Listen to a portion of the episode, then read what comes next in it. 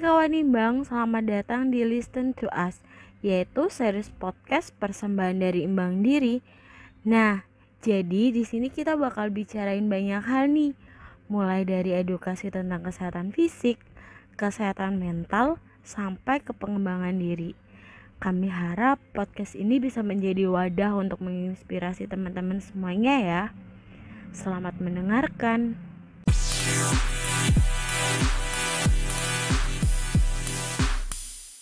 Halo kawan imbang, selamat malam buat kalian semuanya. Nah kita udah di penghujung acara untuk sesi Q&A bareng sama dokter Anastasia. Nah jadi udah beberapa pertanyaan yang udah masuk ke panitia. Buat teman-teman semuanya, ditunggu ya. Habis ini dokter Anastasia akan menjawab beberapa pertanyaan dari teman-teman semuanya.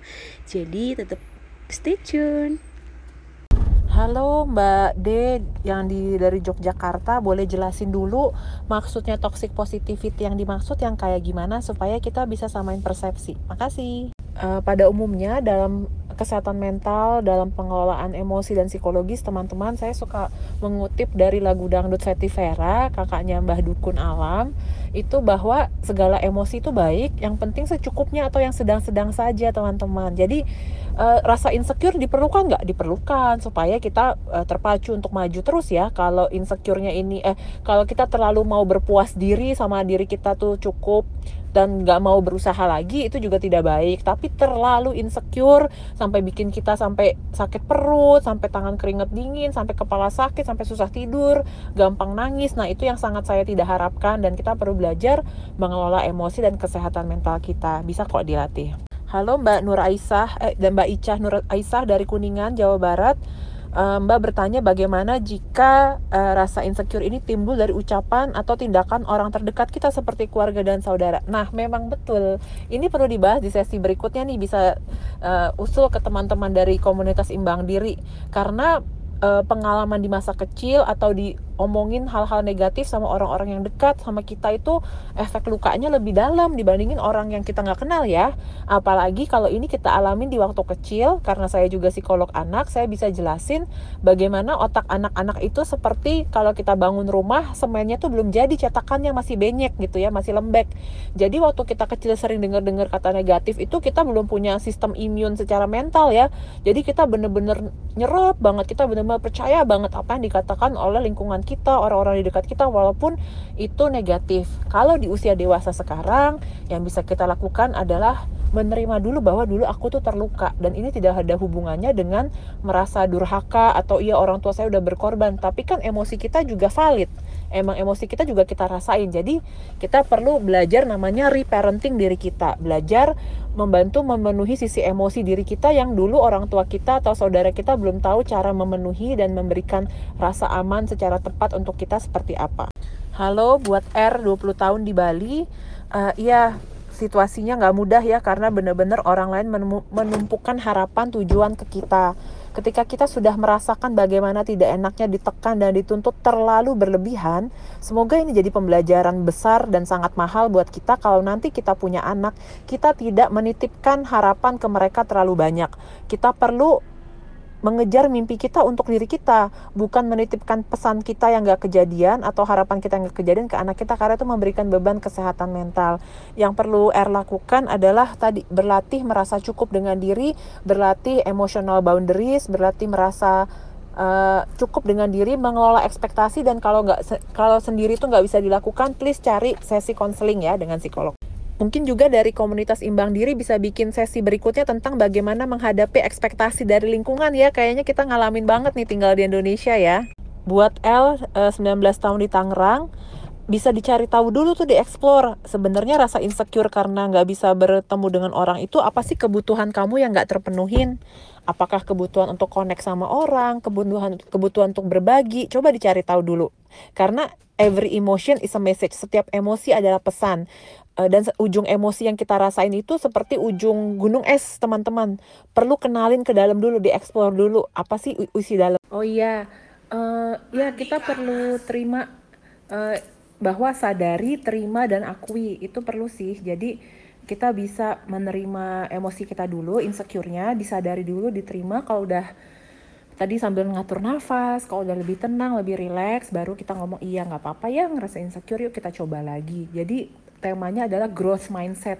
Belajar bertumbuh bukan cuma langsung kayak ah kalau kayak gini terus gimana bisa berkembang? gitu. Halo i dari salah tiga uh, kuncinya betul melakukan hal yang membuat kamu merasa secure misalnya masak sendiri dan dunia sosial media itu memang resiko ya maksudnya berbahaya kalau kita belum punya immune self self love, self secure ya. Jadi sukanya banding-bandingin orang sama orang lain. Jadi kalau itu tidak membantu kamu nggak usah dilakukan gitu. Jadi atau ngelihat Instagram atau TikTok ya buat eh, ini aja buat apa? buat hiburan tapi jangan dibanding-bandingin ke diri kita. Nah, sebenarnya perlu ditanya lagi ke dalam diri, kenapa ya saya perlu banding-bandingin diri sama orang lain? Itu dulu yang ditanya ke diri kita. Buat SW di Pematang Siantar, uh, iya ya kita suka ngerasa takut salah, takut bikin sesuatu gagal, takut dinilai negatif.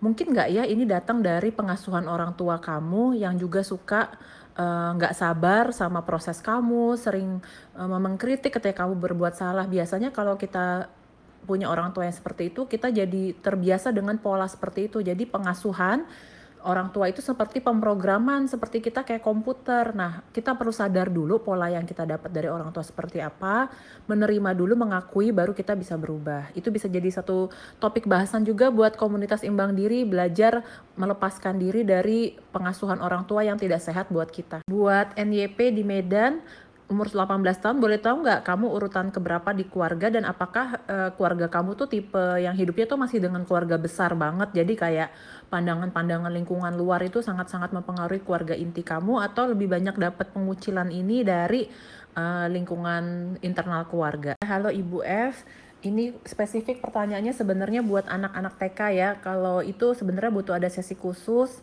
di mana kita belajar e, gimana sih caranya anak-anak usia prasekolah itu memahami dunia. Yang paling gampang adalah kita perlu banyak bersabar memahami mereka dan menggunakan kata-kata yang empatik, yang komunikatif. Jadi kita juga perlu belajar cara berkomunikasi dengan anak usia prasekolah karena biasanya dulu orang tua kita ini belum tahu ilmu-ilmu parenting atau perkembangan atau ilmu psikologi jadi mereka dulu juga parenting kita dengan ya semampu-mampu dan seadanya mereka tapi kalau anak-anak itu bayangin mereka tuh anak-anak baru 3 atau 4 tahun tinggal di dunia kita banyak hal mereka mudah merasa takut karena nggak familiar. Jadi tugas kita itu tadi menerima dulu emosi kamu oh kamu lagi ngerasa takut ya? Oh jadi ngera ma, apa ibu lihat kamu takut ya buat kenalan sama teman ini. Diterima dulu dengan empatik. Tapi biasanya saya juga uh, sangat menekankan pada orang tua untuk self care dirinya sendiri dulu kalau kita belum kenal emosi yang ada dalam diri kita gimana kita bisa bantuin anak kita untuk kenal dengan emosinya dan merasa aman kalau kita sama diri kita sendiri dulu belum merasa aman dengan diri kita, kita juga tipe orang tuh takut sama penilaian lingkungan luar, bagaimana kita bisa membantu anak kita untuk bisa menghadapi bullying. Jadi mulai dulu dari kita dulu kali ya Bu ya.